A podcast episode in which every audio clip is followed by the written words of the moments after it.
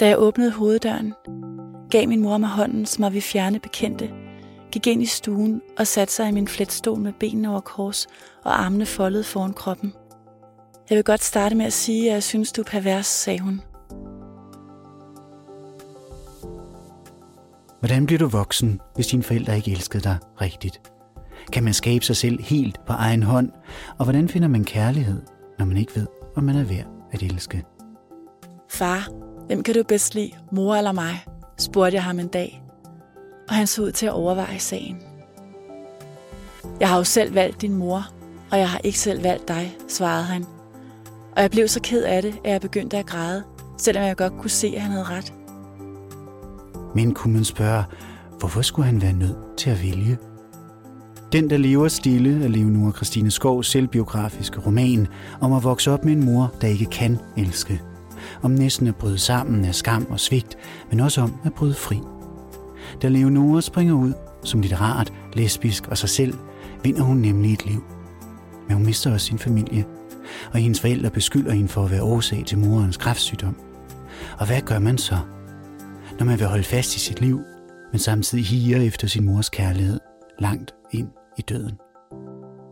Mænd og kvinder kiggede interesseret på mig, men jeg kunne ikke tage deres blikke alvorligt, for de ville have set direkte igennem Christina med det stramt opsatte hår, og det var kun tre måneder siden, jeg havde været hende. Nu var jeg Leonora. Velkommen tilbage til Bogklubben. Vi har sat hinanden stævne her en øh, forårs eftermiddag, hvor vi på forræderisk vis har svigtet solen, og jeg for min del har forsøgt at gøre lidt forårskompensation med kaffe og et drøb citronlikør. Katrine Søjden, velkommen til dig. Tak. Du er psykolog og lektor ved Københavns Universitet med speciale i klinisk børnepsykologi. Og så har du arbejdet rigtig meget med børn og seksualitet, Mm. børns oplevelse af seksualitet og børns oplevelse af overgreb. Og så ved jeg, at du har uddannet dig til psykoanalytiker. Ikke lige frem, hvis man som lytter ikke ved, det er en kort affære. Og Katrine læser psykologers skønlitteratur. Ja, det gør de da, og jeg opfordrer også tit mine studerende til at bruge skønlitteratur i deres opgaver, fordi at Mm. litteraturen tit kan fortælle os tingene på en anden måde, end virkeligheden kan. Og, øhm, så det gør jeg bestemt. Mm. Og Sofia Hermansen, velkommen til dig. Tak skal du have. Du er litterat og debattør, tidligere tv-vært på DR og radiovært på Radio 24 og i dag kultur- og debatredaktør på Berlingske. Og så ved jeg, at du mener, der burde være et 11. bud om, at man skal være i stand til at elske sine børn. Ja, det er sandt, og det er desværre ikke mig, der har fundet på det. Det er Selma Lagerlöf, der skriver det i Gejserne og Portugalien. Gejserne og Portugalien er grundlæggende en øh, fortælling også om relationen mellem børn og forældre. Dog noget mere lykkelig end øh, den, der lever stille, som vi skal diskutere her om et øjeblik. Men noget af det, der sker undervejs, er, at vi har en meget hengiven far, der elsker sin øh, datter, og han elsker hende på en måde, som de fleste af os i dag elsker vores børn. Det vil sige, at han vil gerne snakke med hende, han vil gerne engagere sig i hendes liv, han vil gerne øh, gå en tur med hende, han interesserer sig for hende kort sagt. Der sker nogle ting undervejs, der bare gør, at det her spørgsmål kommer op, og det synes jeg altså skal være op til læserne at finde ud af, i hvilken forbindelse det er. Men der skriver Selma Lagerlöf nemlig, der burde være et elfte bud, et bud, der siger, du skal elske dine børn. Og da det var sådan, at jeg læste Leonor Christine Skovs øh, Den, der lever stille, så kom jeg netop til at tænke på det. Og det burde der være. Mit navn er Jon Tukke Bristison. Jeg er redaktør ved Gyldendals Bogklubber, og jeg er svært i dagens podcast. Velkommen til.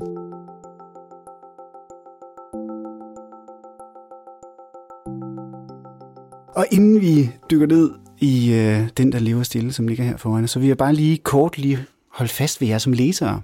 Du siger, at du, Katrine, anbefaler dine studerende nogle gange at læse litteratur, men hvad for en type læser er du selv?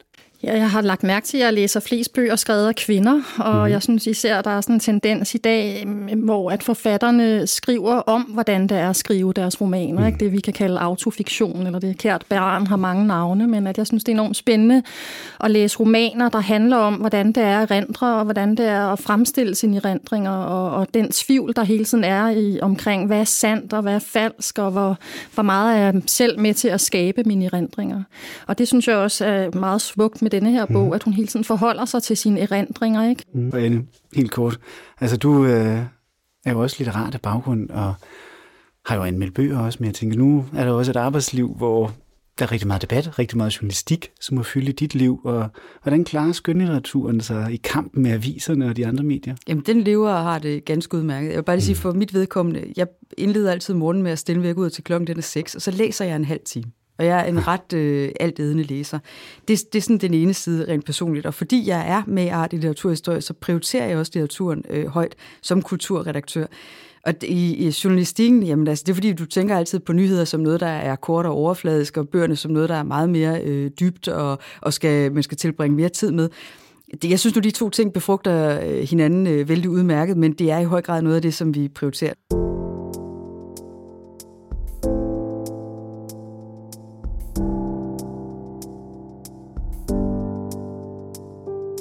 Leonora Christina Skov er født i 1976. Hun voksede op som Christina i et rødt parcelhus i Helsinge. På overfladen er alt godt, men bagved lurer en barndom med en mor, der måske lider af en dyb fødselsdepression. Da Christina bliver ældre, krakelerer facaden. Hun flygter til København, hvor hun genskaber sig som forfatteren Leonora, og til sin forældres redsel forelsker sig en kvindelig præst. Da Leonora insisterer på at leve sit liv, som hun selv ønsker det, slår forældrene hånden af hende og kører hendes ting på forbrændingen. Årene går, og Leonora bygger et nyt liv med kæreste og venner, præget af lige dele raseri og livsløst. Først da Leonoras mor dør, føler hun sig fri til at skrive historien om sit liv. Leonora Christina Skov er i dag forfatter og litteraturanmelder ved Weekendavisen. Hun er mag art i litteraturvidenskab, har udgivet romanerne Hvor intet bryder vinden, Førsteelskeren, Silhouette af en sønder, Champagnepigen og Rygsvømmeren, og har modtaget Kunstfondens treårige arbejdslegat. På sidste side, i den, der lever stille, beder Leonora Christina Skov alle, der har kendt hendes mor, da hun måske havde det bedre, om at kontakte hende, så hun måske kan forstå sin mor bedre.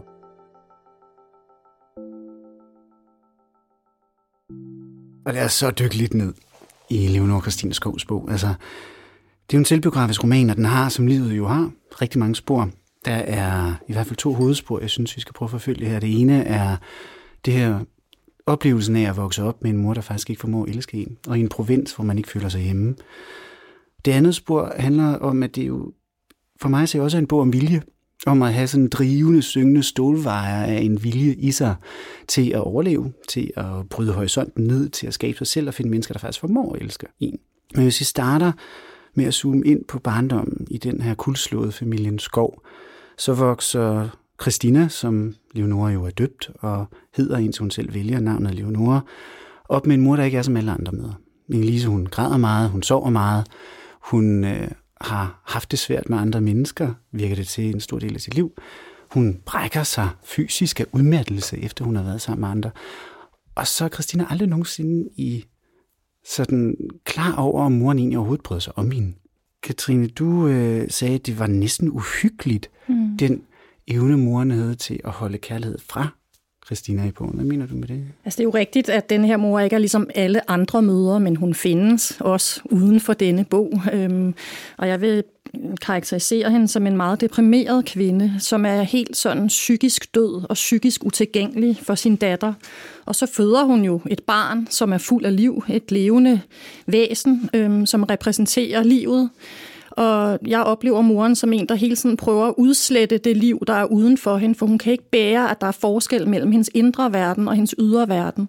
Så Christina kommer til at repræsentere en ydre levende verden, og moren vil hele tiden sikre sig, at hendes ydre verden svarer til hendes indre verden. Så hun bruger en masse energi på at udslette sin datter. Og der er et begreb for det i psykoanalytisk litteratur, som hedder The Dead Mother. Hun er ikke død i fysisk forstand, men i psykisk forstand. Og hun prøver at destruere det levende objekt, der uden for hende for at opretholde den balance, hun tror, der findes mellem indre og ydre. Og det er jo at være psykotisk, kunne man også sige. Hun er så deprimeret, hun er psykotisk. Hun er ikke i stand til at skelne mellem det indre og det ydre.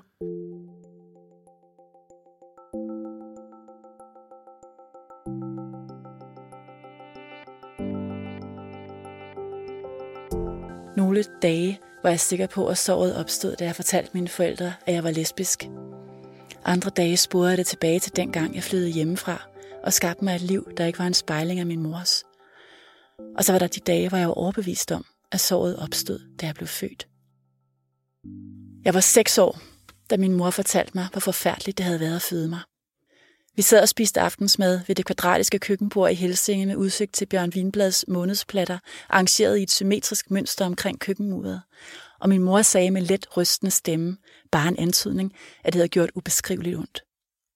Til sidst blev jeg klippet og syet, sagde hun. Og for mit indre blik så jeg hende klippe juleanden midt ned igennem med en fjerkræssaks, fylde anden med æbler og sy den sammen med en kæmpe nål. Jeg turde ikke spørge, hvor hun præcis var blevet klippet henne, og om det lød på samme måde, men jeg tænkte det. Jeg tænkte, at mit liv begyndte med den der sprøde, knasende lyd, og så et øredøvende skrig.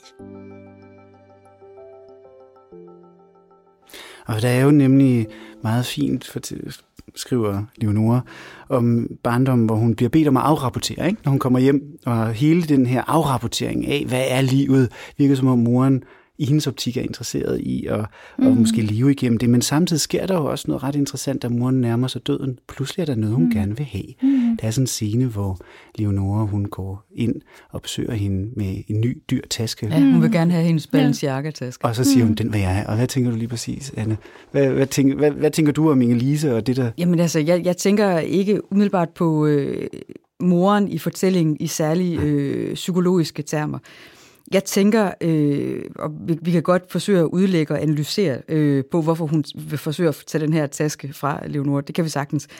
Når, da jeg kommer til den scene i bogen, der ser jeg det som... Jeg kigger jeg nok mere over på Leonora og undrer mig over, hvorfor holder hun ikke på det, der er sit. Mm. Altså hvis vi skal gå ind i en fortolkning af det. Moren er jo vant til at styre familien med tårer det skriver Leonora også eksplicit. Altså det er afmagtens magt, der demonstreres her. Når så Leonora vender tilbage, moren er syg, og der er ovenikøbet en lang passage, hvor Leonora redegør for alle de ting, hun håber, hun ikke bliver beskyldt for, herunder at hun er den, der er årsagen til morens død. Så møder hun så sin mor, der har et krav, det er den her nuka-farvede Balenciaga-taske. Den ønsker hun, og Leonora, og det undrer mig en lille smule, at hun ikke er i stand til at sætte foden ned og sige, nu bliver vi nødt til at stoppe her. Der er noget, der er mit. Altså, det virker nærmest helt pattet, må man godt sige det. Det er nok ikke så psykologisk. Altså, men, men som en mor, der ikke kan skelne mellem, hvad der er mit og hvad der er dit. Jeg vil bare have det hele. Men det, det forekommer mig også, når jeg, når jeg gennemlæser den her del af det, som en fortæller, der ikke er i stand til for alvor at sætte foden ned og sige, nu bliver jeg nødt til at bevare det, der er mit eget jeg, jeg, jeg synes, det er en fantastisk roman, mm. og jeg, den rammer mig. Og jeg ved, den også har ramt mange andre læsere, mm. fordi det her det er også et tabu, relationen mellem forældre og øh, børn, og, og særligt øh, den her, det her brud, der sker mellem forældre og børn, og det gør der i rigtig mange familier. Vi taler ikke særlig meget om det. Det her er en bog, som også kommer til at være dagsordensættende, fordi den på en meget fin måde tematiserer det dysfunktionelle forhold mellem mor og datter, tematiserer også, hvordan du bliver nødt til at skabe dig selv for ikke at dø. Fordi der er jo to veje, du kan gå. Et, du kan makke ret. At du kan stikke hende tasken, du kan give hende dit liv, du kan give hende ret i øh, alt, hvad hun øh, siger, mener, synes og tænker om dig, eller du kan forsøge at blive dig selv. Og der er det jo et valg, der bliver truffet med helt åbne øjne det er netop at det at tilvælge sig selv, og det er herunder også at tilvælge livet. Jeg synes, det er meget smukt og bevægende beskrevet, og det er også beskrevet med en enorm grad af generøsitet og oprigtighed. Og jeg tror, det er årsagen til, at den har ramt så bredt. Mm. Man kan mærke, at her er der rent faktisk noget på spil. Mm. Det er autentisk, men jeg altså, festede mig også meget ved den scene og blev vred på, på Christinas vejen over, at hun slap den her taske, hun oven i købet havde brugt rigtig meget energi ja, vi skal på. Finde ud af, om vi skal kalde hende Leonora eller Christina. Ja, ja jeg tænker, det det. At, at hun i bogen hedder Christina, i hvert fald på det her tidspunkt. Ikke? Der har hun ikke skiftet navn endnu. Jo, hun har jo skabt sig selv men, som Leonora, fordi ja. moren er jo døende, da hun ønsker tasken. Ja. Og der er Christina, altså Leonora Christina Skov, ja. jo blevet en forfatter, der har udgivet afskillige romaner og er omkring de 40. Ja, der hedder hun jo allerede Leonora, du er fuldstændig ret mm. Men jeg, det bliver... jeg tænkte over det med den taske, og jeg kan også godt forstå, at hun giver hende tasken, fordi det er første gang og eneste gang, at moren lægger mærke til, at der er noget ved datteren, hun gerne vil have. Så jeg ser mm. den her taske som et symbol pointe. på, at moren får øje på noget ved sin datter, hun faktisk gerne vil have. Og, og, det, og derfor kan jeg godt forstå, at datteren må give hende det, fordi endelig anerkender moren på sin egen meget primitive, man kunne sige grådige måde, det der vil jeg gerne have. Og så giver hun hende den. Og, Men hvorfor tror du, hun gør det? Hvorfor tror du, hun giver jamen, hende tasken, ja, i stedet for at holde bliver, på det, der Hun bliver så glad for, at hendes mor ser hende og ønsker sig noget af hende, som hun selv synes er smukt. smukt. Så jeg tror simpelthen ikke, hun kan lade være. Hun, hun bliver så glad over, at moren vil have noget, hun har, og ser, at hun har noget, der er smukt og levende. Og jeg tænker, moren lever jo op, da hun får sin dødsdom, så bliver denne her mor mere levende, end hun har været på noget tidspunkt i hele romanen, fordi pludselig svarer hendes indre døde verden til den ydre verden. Det synes jeg er så interessant beskrevet, at pludselig ser vi, at den her mor begynder at blive mere og mere levende, efter hun har fået sin dødsdom. Ikke? Vi andre vil måske blive mindre levende og, og gå mere ind i os selv. Ikke? Øhm, så, så ja, jeg kan godt forstå, at hun giver hende tasken. Jeg har tilgivet hende for det. Men lige da jeg læste, så blev jeg harm over det. Ja, fordi man kan måske også sige, at der er jo også muligt at forestille sig, at der er nogle elementer her, hvor der er visse dele af hendes liv, hvor hun har taget nogle meget klare valg, og som jeg tænker, vi skal snakke om lige om et øjeblik. Og så er der nogle andre elementer, hvor der jo har været en så stor mangel på naturlige grænser i hendes barndom og i hendes liv med de her forældre. Så det er jo måske ikke givet, at hun har formået at tage de grænser, hun har sat visse steder i sit liv, med ind alle steder i relationen. Jeg tror også, vi skal tænke på det sådan, at selvom øh, Leonora Christina Skov har haft en usædvanlig opvækst, så reagerer hun sådan, som normale mennesker reagerer på beskeden om, at deres mor er døende, nemlig med empati. Så det, det er nemt at, at sidde og sige, at moren hun har fortjent at sejle sin egen sø osv. Jeg synes, det er et væsentligt punkt i romanen, fordi det markerer netop der, hvor vi kan se, selvom du er skabt af noget, der er gået i stykker, så kan du faktisk godt være helt og reagere på en, øh, en menneskelig måde. For da jeg læste romanen, tænkte jeg også meget over, hvorfor bliver hun ved med at gå tilbage? Det er næsten ligesom Bess i Breaking the Waves af mm. Lars von Trier. Hun bliver ved med at gå tilbage til det der skib, så hold dog op med det. Men der ligger en, en anden drivkraft, og det er også at vise, at jeg er mere end det, jeg er rundet af. Jeg er ikke lige så fucked up, som min mor er. Hun agerer nemlig som et menneske. Mm.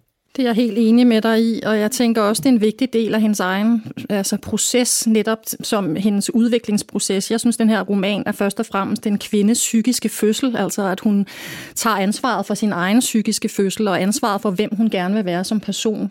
Øhm, og i den proces er det vigtigt for hende også at tage afsked med denne her mor, som først og fremmest har været en ikke-mor, ikke? et fravær i hendes liv, og at, at hun kan gå ind i den sygdomsproces og hjælpe moren med at lave research og gå sådan lidt pragmatisk til værks, ikke? og hvad har vi for behandlingsformer? Mm. Og ligesom, jeg tror, det er en, en meget vigtig del af hendes evne til at kunne give slip på den mor og tilgive sig selv for at være et godt, altså netop anerkende sig selv som et godt menneske, ikke? Og gøre sig fri.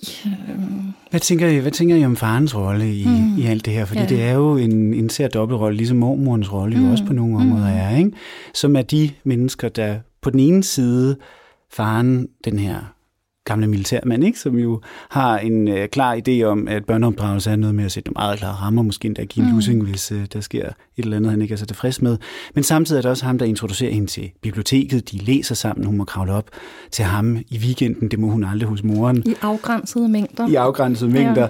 Men der er en klar oplevelse af, at han vil hende. Han vil mig der var en årsag til, at han fik børn. Mm. Og så er der mormoren, som jo på mange områder ender med at være en rejse fra et menneske, der er meget, meget vigtigt for hende, til at hun bliver en lille smule mere i tvivl om, hvad var mormorens intentioner egentlig med at agere mellemmand mellem hende og hendes forældre. Hvad tænker I om faren der? Umiddelbart tænker jeg jo selvfølgelig, at han er kæmpe skvat. Mm. Altså, en, en fars rolle er jo også at passe på familien, ikke bare at passe på sin kone.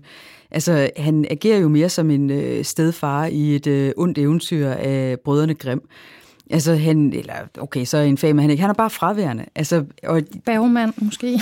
Ja, måske snarere. Altså, der, men, men man kan sige, han, han, han siger det jo ret eksplicit, jamen jeg skulle jo passe på mor, men, men hvordan kan du passe på øh, en mor mod et barn? Altså, der er de her sammenligninger, som hun fortæller og, om, ikke? hvor der i starten bliver sammenlignet rigtig meget mellem Leonora som barn og moren. Ja, med armene og Præcis, og den se, måde hvor kroppen mor ser er ud. i forhold til, hvordan... Og hvor han oplever det som sit ærne, at han skal hele tiden bygge moren op ved at nedbryde barnet. Altså, hvem er det, der har sendt ham ud på den mission, og hvorfor påtager han sig det?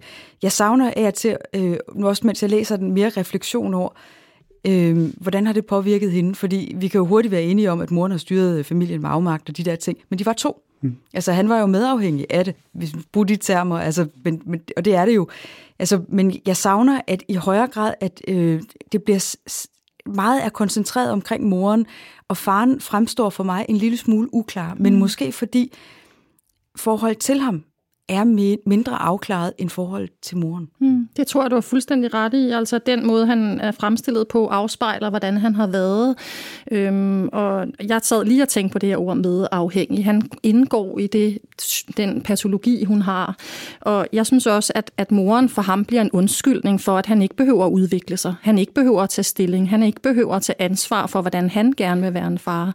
Så han, han er også en militær mand, ikke? og kommer af sådan en militær baggrund. Så det bliver også et, et noget, han kan dække sig ind under og undgå det, der er jo svært som forældre først og fremmest. Der er jo, man hele tiden er i tvivl om, hvad der er den gode nok mor, og hvad der er den gode nok far, og man kan ovenikøbet er uenig om det projekt. Ikke? Så, så det at være forældre handler jo hele tiden om at, at tage stilling til en masse store og små spørgsmål, som man er meget i tvivl om, for der er ikke nogen endegyldige løsninger på det. Og det bryder han sig ikke om, den tvivl og den ængstelighed, det skaber i en. Så han bruger moren som undskyldning for ikke at, synes jeg, tage fat. Og det kan godt være, at de tager på biblioteket, og han måske skal have æren for mm, hendes mm, kærlighed til litteratur. Øh, jeg håber, han har en lille god aktie i det, men han er jo først og fremmest en mand, der svigter sin datter rigtig meget, når hun har brug for hans omsorg og kærlighed. Og måske bliver endnu mere diffus for hende, og måske derfor fremstår han også mere diffus, for han er mere utilregnelig. Moren er rimelig tilregnelig. Man ved altid, hvor man har, han mm. nemlig ikke. Øhm, hvor han nogle gange er lidt sød, ikke?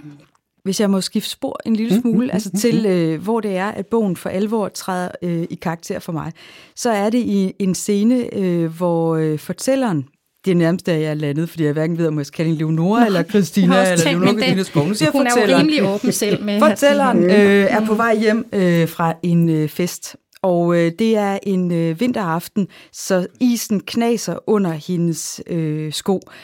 Hun bliver øh, forfulgt af en, øh, en mand, som hun ved er højere og sandsynligvis også betydeligt stærkere end hende. Og hun er på flugt, og det bliver indgående beskrevet, hvordan hun håber, at remmene holder på hendes sko, for hvis det sådan, de brister, så vil hun ikke være i stand til at løbe med den fart, der er nødvendig.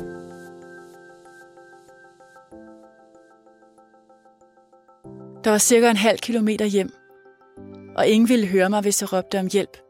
Ikke på denne tid af natten. Men jeg var en hurtig løber på korte distancer, og til min overraskelse var jeg ikke bange. Jeg følte mig snarere intenst i live. Mine fødder ramte dårligt nok asfalten, så hurtigt løb jeg, præcis som i min yndlingsstrøm, hvor jeg stod på rulleskøjter i rasende fart et par centimeter over jorden. Min hale gennembrød isen med en knasende lyd, men ellers var mandens trin og hurtige åndedræt det eneste, jeg kunne høre. Han kom tættere på. Et par gange var han ved at få fat i min frakke, men jeg rev mig løs og drejede ned ad brydetoften.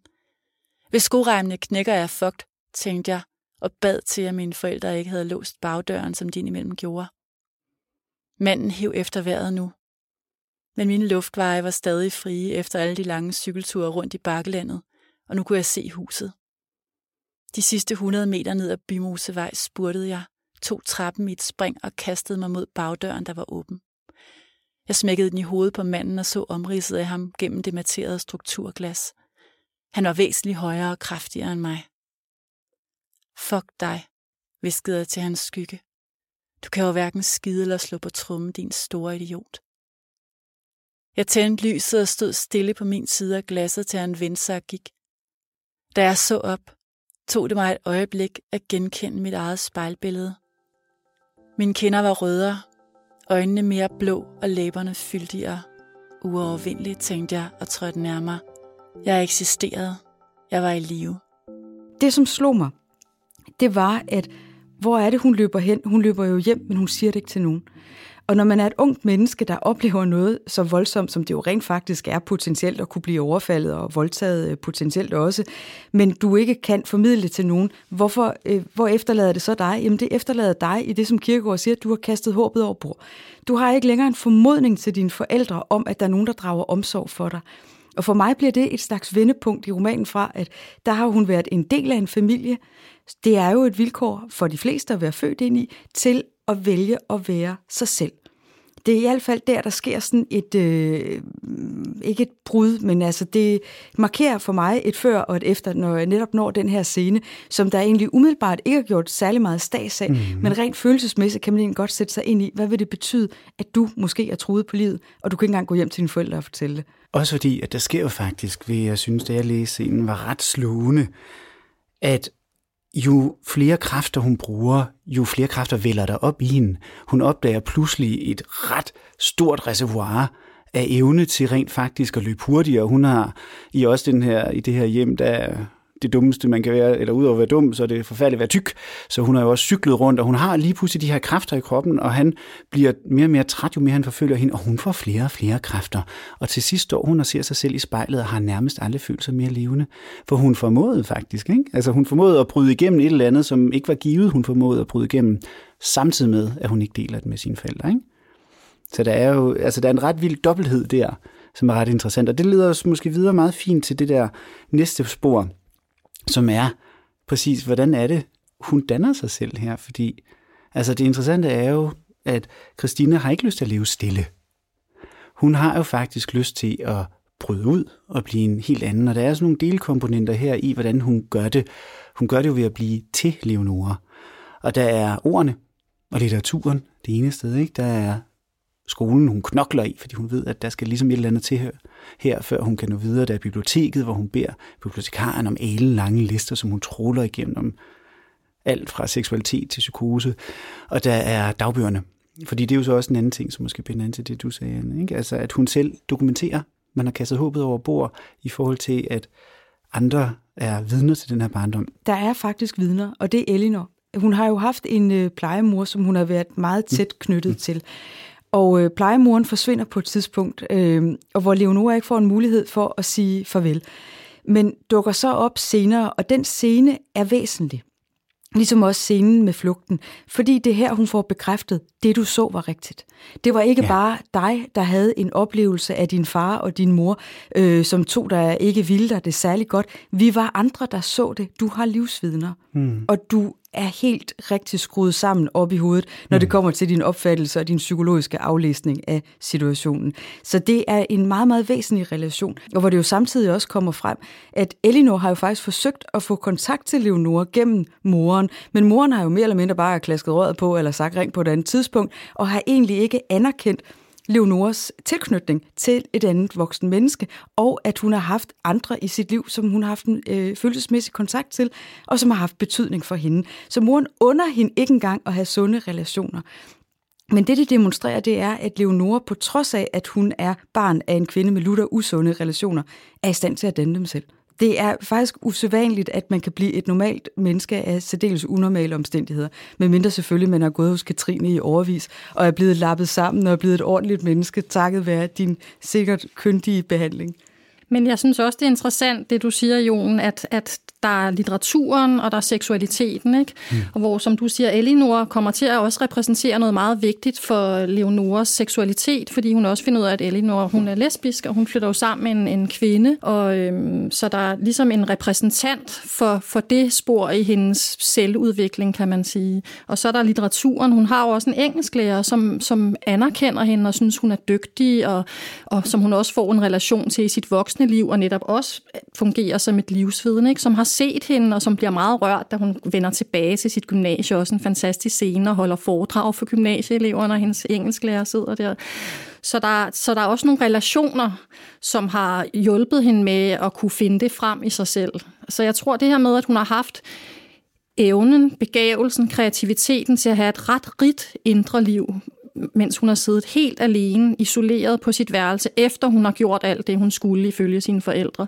Og så hun formået også at gøre det til sit yderliv. Det synes jeg simpelthen er så imponerende. Og jeg tror, at de her relationer, der heldigvis har fulgt hende i hendes barndom og netop set hende og anerkendt hende for det, hun også følte, hun rummede, men ikke fik lov til at have ifølge sine forældre. Ikke? At de har hjulpet hende med at holde fast i det, for det er jo rigtig svært at skabe sig selv alene uden den andens anerkendende blik. Jeg synes, det er vigtigt, at du tager fat i det med litteraturen. Altså, fordi der er to redninger, ikke? Altså, der er dine relationer, og så er der faktisk litteraturen. Mm. Flere af dem, jeg har talt med, som er kommet ud af helt afskyelige og vanvittige vilkår, de har alle sammen tilbragt stor del af deres ja. tilværelse på biblioteket. Hvad er det, du møder der? Jamen, du møder også andre mennesker. Det er der, du lærer indlevelse, empati, som du ikke nødvendigvis har med dig hjemmefra.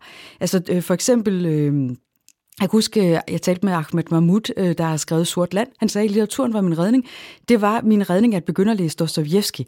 Altså, det var det, der også gav sjælen vinger og gjorde, at man kunne bevæge sig ud i verden på en lidt mindre dysfunktionel måde, end det, som man er rundet af. Jeg hørte Morten Pape, der skrev øh, planen også for et par år siden, pege på meget af det samme. Det, der havde haft en øh, udslagsgivende betydning for ham, og som var årsagen til, at han ikke, som mange af de andre hasrygende øh, taber for urbanplanen, havde fortabt sig øh, i kriminalitet og, og forskellige andre dårligdom, det var, at han havde haft også litteraturen som udvej, plus han havde haft en lærer, der så ham.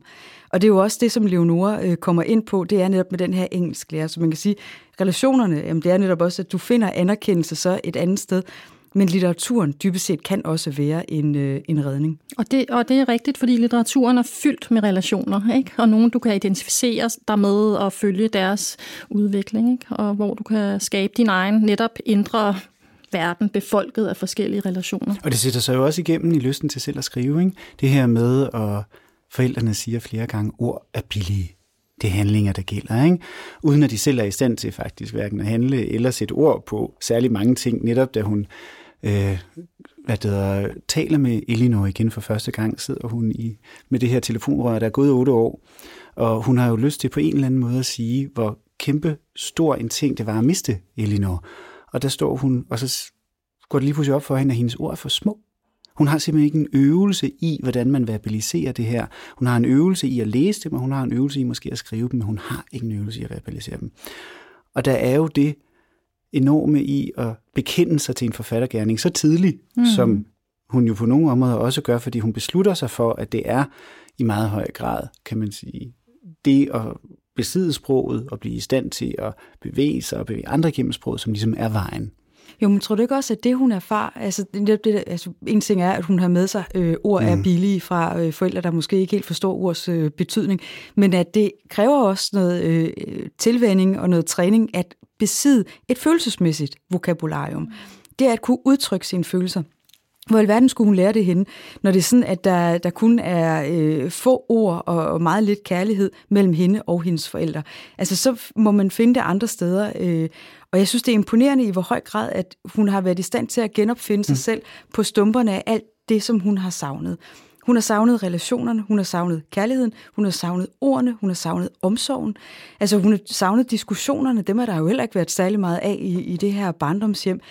Men det, som jeg synes er det stærkeste, øh, og som er, øh, står tilbage øh, hos mig som læser, det er, at hun i høj grad har formået på en eller anden måde at have en eller anden øh, intakt kerne, mm. altså som en, øh, en diamant, og kunne gå igennem de her ting, uden at blive knust undervejs. Mm.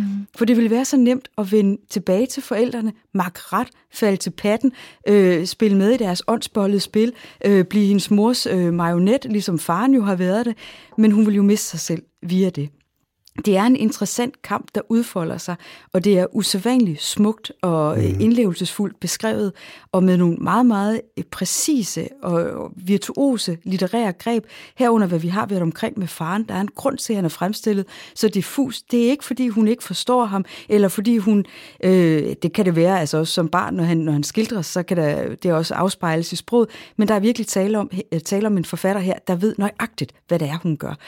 Hun har lagt de her ting bag sig, og det er måske først nu, så den her bog er mulig at skrive, fordi hun har rundet de 40 år, mm. hun har nået skældsord, hun mm. kan se tilbage, og det handler ikke kun om morens død, men jeg tror også, det handler om at ankomme til sig selv. Og det er altså ikke noget, man øh, gør tidligt i livet. Det tager som regel rigtig lang tid. Men det har hun i høj grad gjort med den her bog, og det er fuldt fortænkt, at den også øh, i den grad har fået så stor øh, succes. Det synes jeg også, altså jeg har virkelig glædet mig over hendes, altså den anerkendelse, hun har høstet, fordi det er hendes, jeg opfatter virkelig den her bog som hendes psykiske fødsel, og hvor hun også står frem med det, hun fødes af, og på trods af først og fremmest, og at, at vi så tager imod den på den altså vi tager, det bliver en god fødsel. Det var en grå eftermiddag i slutningen af februar, året efter min studentereksamen, og jeg gik ned ad strået med min røde racercykel, og følte mig fri på en måde, der stadig var så fremmed for mig, at jeg jævnligt forvekslede den med panik. Mit hår havde jeg fået farvet lige så mørkt som min mors, og klippet i en smart pageforsyre, der faldt frem over øjnene, når det blæste som nu.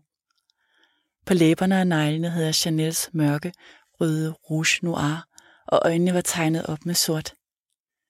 Jeg kunne dufte orangeblomsten og vaniljen i min nye parfume, udformet som en lyserød kvindetorso og købt i magasins parfumeafdeling, der bød på så mange dufte, at jeg ikke havde håndled og underarm nok. Mine nye, høje snørestøvler gnavede i hælen, men det var kun rart, for så blev jeg konstant mindet om, hvor dekadente de var. Næsten som et blankt, sort flyl eller Eva Dahlgrens musik. Den figursyde frakke og udringede kjole indenunder havde fundet i H&M, hvor der var mange flere typer tøj end i Bettina mode i Helsinge. Stramme buksedragter, alle mulige slags udskæringer, lårkorte nederdele, jakkesæt. Mænd og kvinder kiggede interesseret på mig, men jeg kunne ikke tage deres blikke alvorligt, for de ville have set direkte igennem Christina med det stramt opsatte hår, og det var kun tre måneder siden, jeg havde været hende. Nu var jeg Leonora, i hvert fald en lille smule. Det føltes stadig så nyt, at jeg ikke havde fortalt det til nogen, for så risikerede jeg, at magien forsvandt.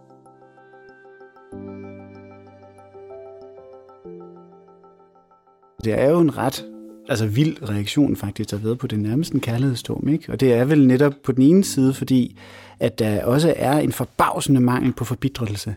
Altså, der er faktisk forbavsende meget liv og kulør i den her fortælling også.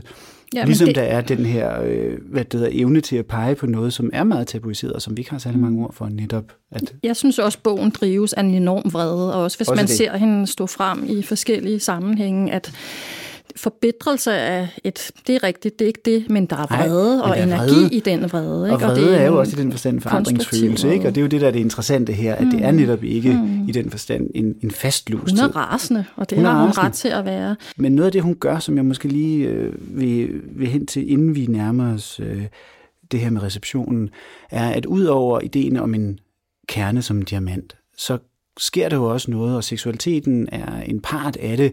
Den her meget, altså, den afstedkommer jo det meget store brud med forældrene, men det er jo også den her nærmest livgivende drift mod nogle andre former for fællesskaber. Ikke? En art af nødvendighed i at finde en alternativ måde at danne parforhold på, en alternativ måde at danne familie på. Og det følges jo ad med det her, som jeg synes er vanvittigt interessant i den også, hvordan hun arbejder med kvindelighed. Fordi den her karakter, Leonora, er jo grundlæggende en identitet, hun bygger op, som er på nogle områder bevidst brugt som maskerade. I starten skriver hun flere steder, hun downloader billeder fra nettet. Hun klæder sig ud. Hun klæder sig ud, hun klæder sig mm. ikke på, og hun har en art af kraftfuldhed, hun kan indtage med den her. Og så er der måske en oplevelse af, at hun langsomt også fylder den mere og mere ud. Jeg ved ikke, hvad I tænker om det, i forhold til om det at sætte sig en art af personer, man kan arbejde med, eller på en eller anden måde komme videre med, også af måden at faktisk sætte sig ud over det at sætte sig, sidde sig fast. Jamen, jeg ved ikke, om hun leder efter en anden måde at være familie på. Det synes jeg ikke, hun skriver i bogen, men hun, hun leder efter sin måde at blive kvinde mm. på, og hun... Mm øh, kommer i nogle miljøer, hvor hun også møder mennesker, der føler sig mm. udstødte og anderledes og ikke elskede og ikke anerkendte, ikke? Og, og får nogle ret sådan nære relationer i de her miljøer, øh, hvor hun så langsomt opdager sin egen kvindelighed og sin egen seksualitet. Men især så møder hun folk, der har tænkt sig ikke at leve stille. De, de vil egentlig gerne brage igennem, og mm. de vil gerne have fest og farver. De vil gerne have det diametralt modsatte af barndomshjemmet i Helsinge, og det under man hende fandme også. Mm. Men altså det her med, at jamen, jeg tror, det, det, der er også det der, altså det er jo også en fortælling om at blive menneske, ikke? Altså, vi har jo alle sammen eksperimenteret, at det er jo også det, det afspejler. Det er jo ikke kun på grund af, at hun er den, hun er, og det, hun er rundet af, det er det også. Men det ligger jo som et øh, sine qua non, altså så i teenageårene og i 20'erne og så videre. Du er undervejs som menneske. Du eksperimenterer med, hvem du er. Under, herunder muligvis også med din øh, seksualitet. Men jeg tror, hun bare har en kraft jeg driver hende ind der, hvor man altså ikke sidder og lægger låg på sig selv. Der, hvor man godt må være dramatisk, der, hvor man godt må råbe lidt op, der, hvor man også kan tage stilling, der, hvor ord ikke bare er billige, der, hvor det faktisk handler om at have den værdi, der består i, du er dig, øh, og du, øh, Ja, hvordan fanden skal man beskrive det, uden det lyder øh, fuldstændig corny. Altså, men jeg tror bare, at vi skal holde fast i, den hedder Den, der lever stille, og fordi det er et portræt af moren. Hun har tænkt sig at have det nøjagtigt diametralt modsatte liv. Selvfølgelig drages hun mod flamboyante miljøer i København. Men vil ikke det? Hvem fanden gider drages imod et miljø i Helsinge, som det barndomshjem, hun beskriver? Det er der ikke nogen, der gør, medmindre man er grød i hovedet. Så det er da en helt naturlig livsdrift. Det er da bare en pige, der har tænkt sig at banke igennem. Ikke? Hun går ud og realiserer sig, får sig en uddannelse, finder sig et job, finder sig en, en vej i livet, og beslutter sig for det, som men ellers ikke altså, øh, et, et øh, klassisk har anset, og hvor forældrene ikke anser det som særlig fint, nemlig at blive forfatter. På Knud Hamsuns tid og forskellige andres, øh, nu taler vi også om Sel- Selma Lagerløf, øh, før, øh, der er det at være forfatter øh, nærmest lige med at være prostitueret. Altså, så den, den ligger også som sådan en underliggende klang i øh, forældrenes melding om, ord er billige. Altså, det er lidt at sælge ud, bare at, at dele ud af sig selv. I dag øh, har tiden så heldigvis ændret sig, men jeg ved ikke helt, om den virkelighed er ankommet, i hvert fald ikke til det barndomshjem, som hun er rundet af i 70'erne. Men hun har ikke tænkt sig at leve stille. Mm. Men jeg har også tænkt på titlen som, at det er hende, der lever stille, i hvert fald i sin barndom, ikke? og det vil hun ikke blive ved med at gøre.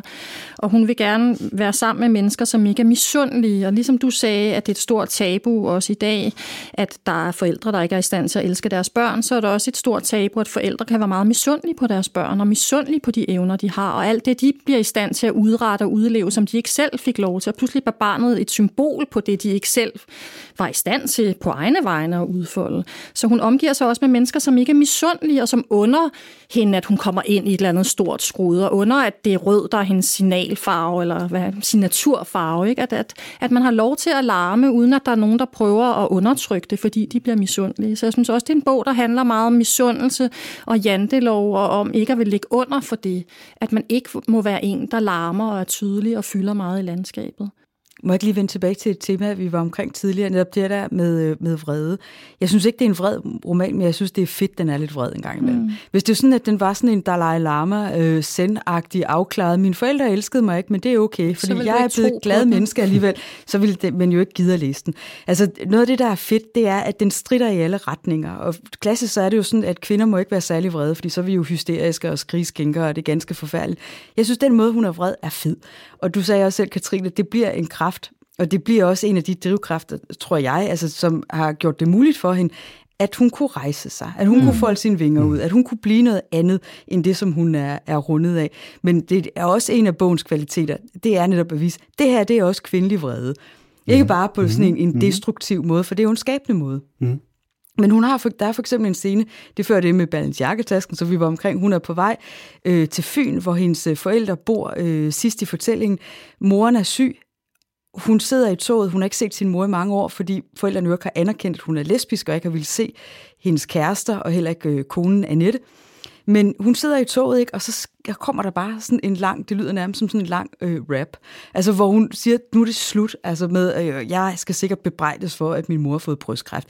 Jeg skal sikkert også bebrejdes for, at øh, de bor, øh, hvor de bor, og jeg skal bebrejdes for alle mulige andre ting. Det bliver sådan remset op Øh, jeg kunne næsten finde det frem. Altså, øh, mm. Jeg tror, jeg faktisk har markeret det et sted, og nu burde jeg også tage mine briller på. Jeg er simpelthen blevet så langsynet. Nå. Men altså, hun skriver her, øh, det føles som bodshandling. Et kæmpestort undskyld skrevet, skrevet med, med trylletusser hen over de sidste 20 år. Undskyld, at jeg blev født. Undskyld, at jeg flyttede hjemmefra og skabte mig det liv, jeg drømte om. Undskyld, at jeg sprang ud, også offentligt.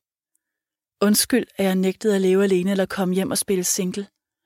Undskyld, at jeg havde et godt forhold til min mormor. Undskyld også, at jeg ikke fik mig et almindeligt job, men blev forfatter. Og undskyld, at det ikke er brødløst. Man kan godt læse mm. den passage med meget mere vrede, man kan også læse den med en grad af humor, men hun sidder i den her bus fra øh, Nyborg til Svendborg, og hun sidder nærmest og ved at hamre sædet foran sig i stykker. Alligevel tager hun øh, hen til forældrene, fordi netop som vi også fastslog indledningsvis, man kan godt blive et normalt menneske, selvom man er født ind i unormale omstændigheder. Man kan godt udvikle empati, selvom man er født af særdeles meget lidt omsorgsfulde forældre. Men den her passage synes jeg er en lille smule interessant, fordi den, den balancerer meget, meget fint imellem vrede, ironi, øh, på en eller anden måde at latterliggøre de omstændigheder, som også kan gå ind og kvæste ens øh, tilværelse, og dermed også vise, at man er på toppen af det. Jeg synes sådan set, at hun, hun viser noget kraftfuldhed her, og jeg elsker den der kvindelige vrede, der også mm. kommer øh, til ord. Og hvis ikke den var der, så tror jeg faktisk, det havde været en røvsyg bog. Jo, og man kan sige, det er jo en meget vigtig til, scene til slut også, hvor hun sidder og taler med faren og siger, det er meget vigtigt at forstå, at det her det er ikke en hævnbog. Det er en genskabelsesbog. Og med det er der jo netop en art af både nedrivning og genopbygning. Ikke? Og nedrivningen er vel den her, det her vrede og raseri over, hvad fanden, Jamen, altså, du skal vise det til læseren, hvordan det, det. det har sat sin spor i dig. Og med det der med røvsyg, så bliver det sådan noget zen-buddhisme. Mm. Altså, det er ikke mm. særlig spændende at læse hen over øh, 400 sider. En, der bare fortæller, hvor afklaret vedkommende er. Vi vil også høre om kampen, hvad det vil sige at blive dig født, altså øh, ud af de her omstændigheder. Og det er der, jeg er enormt begejstret for den måde, hun formår, og hun viser netop med den her bog, ord er ikke billige. Hun kan spille på hele det her følelsesmæssige klaviatur.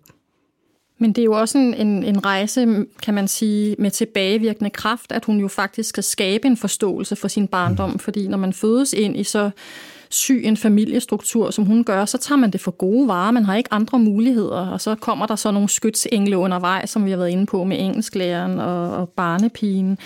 Men, men barnet er jo nødt til at gå ind i det her og prøve at regne ud, hvordan skal jeg begærte mig i det her miljø, for at de bliver ved med at elske mig, siger i situationstegn, og, og bliver ved med at sørge for, at jeg overlever i det her system. Så barnet bliver en virkelig mesterudlært oversætter af de betydninger, der kommer udefra fra familien, og som de kan blive i stand til at blive en del af. Ikke? Så hele hendes, kan man sige, udviklingsproces går ud på at gå tilbage på sine egne præmisser og forstå mm. på en anden måde, mm. hvad var det egentlig, der foregik? Hvad var det, jeg blev en del af og var tvunget til at prøve at spille med i? Men Katrine, tror du ikke, at det kræver en ret høj intelligens faktisk at gennemføre det, som hun har gennemført? Fordi hvordan ved du, ret hurtigt, som hun jo gør, at den er gal. Mm. Det må du vel vide, fordi du kan aflæse tegn. Altså dels så tror jeg, at hun har haft litteraturen, og der har været de få voksne mennesker, også hendes øh, mormor, som hun har haft ret, synes jeg, interessante og filosofiske og kærlige samtaler med. Øhm, og så har jeg også tænkt på, hvor, hvor hun blev så klog fra, altså fordi hun bliver så lidt stimuleret af sine forældre. Ikke? Så der er måske også et eller andet, hun har med sig ude fra universet, hvad ved jeg, som, som har hjulpet hende. Øhm, men mm. altså børn er bare kloge jo altid i den forstand. De altid er virkelig gode til at regne ud, hvordan de skal indgå i de miljøer, de har, for de har ikke andre muligheder. Det, som gør den, det her værk fantastisk er, at hun også er i stand til at gå tilbage og give det betydning derfra, hvor hun står på sine egne præmisser. Der er der jo rigtig mange mennesker, der ikke får mulighed for, eller ikke giver sig selv lov til, eller øh, indser er livsnødvendigt for dem, hvis de skal leve et liv på deres egne præmisser, løsrevet fra det, de kommer fra. Men hvis vi skulle prøve sådan meget kort samle op i et par enkelte sætninger, hvad det er for en læseoplevelse, I har haft hver især, eller hvad det er for en læseoplevelse, den her bog giver, hvad vil I så sige? Ja, altså for mig var det virkelig en page-turner. Jeg gik bare i gang med at læse den, og kunne ikke lade den fremme, før jeg var færdig. Så der er også sådan en, et element af spænding hele tiden. Man er så spændt på, hvordan hun kommer til at rive sig løs af det her miljø, og hvordan hun formår det, og hvordan hun får skabt sig selv som voksen seksuelt væsen på sine egne præmisser. Så jeg synes, der er en enorm drivkraft, og jeg mener virkelig, det er hendes drivkraft, der ligesom har trukket mig gennem den her bog. Fordi der selvfølgelig også er en masse ting, man som kvinde på hendes alder kan identificere sig med med, og den tid, hun har været barn i. Ikke? Så ja, jeg synes, det var en virkelig medrivende bog, og en rigtig god læseoplevelse. Jeg synes, den er utrolig velskrevet. Mm. Jeg synes, det er fedt, hun tager fat på det tabu der handler om bruddet mellem forældre og børn. Vi taler ikke særlig meget om det. Sjældent er det blevet, øh, det er blevet beskrevet så virtuos som her, og hun fortjener øh, hver eneste lille bit element af den love storm, som så også er, er blevet hende øh, til del. Det er en historie om at blive genskabt som menneske. At født, det bliver du ikke nødvendigvis en gang. Det kan du altså godt blive en gang til. Og så viser den hele, altså sådan det, det her følelsesmæssige øh, vokabularium udtrykt igen sublimt, altså alt fra resignation og afmagt til til total vrede og hysteri, og hver eneste følelse er, sidder lige i skabet. Og det skyldes en ting, og det er, at det, som hun måske ikke har fået med hjemmefra, nemlig at kunne beskrive ting, fordi der er det heddet, at ord var billige, så har hun alligevel lært det at gøre det på en måde. Så man kunne da næsten undre hendes mor at læse med, men det kan hun jo ikke, for hun er jo død. Og med de ord bliver vi nødt til at slutte her. Jeg må sige tak til dig, Katrine. Selv tak. Og tak til dig, Anne, fordi tak. I var med.